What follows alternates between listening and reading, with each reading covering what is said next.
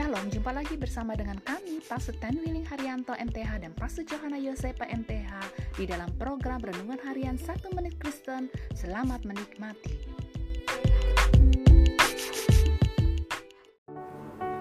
Shalom saudara-saudara yang sangat berharga di hati Tuhan. Hari ini firman Allah mau mengingatkan kepada kita, mintalah kemurahan Allah untuk menyertai kita setiap hari.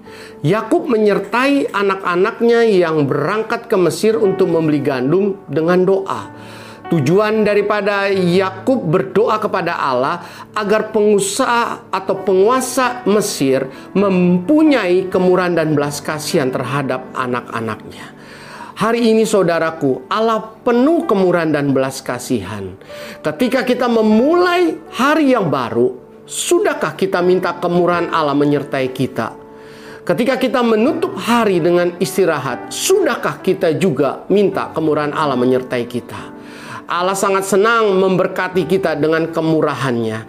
Untuk itu jadilah anak-anak Allah yang selalu bergantung dengan kemurahan Allah dari pagi, siang, sore, malam, dan sampai pada kekekalan. Amin.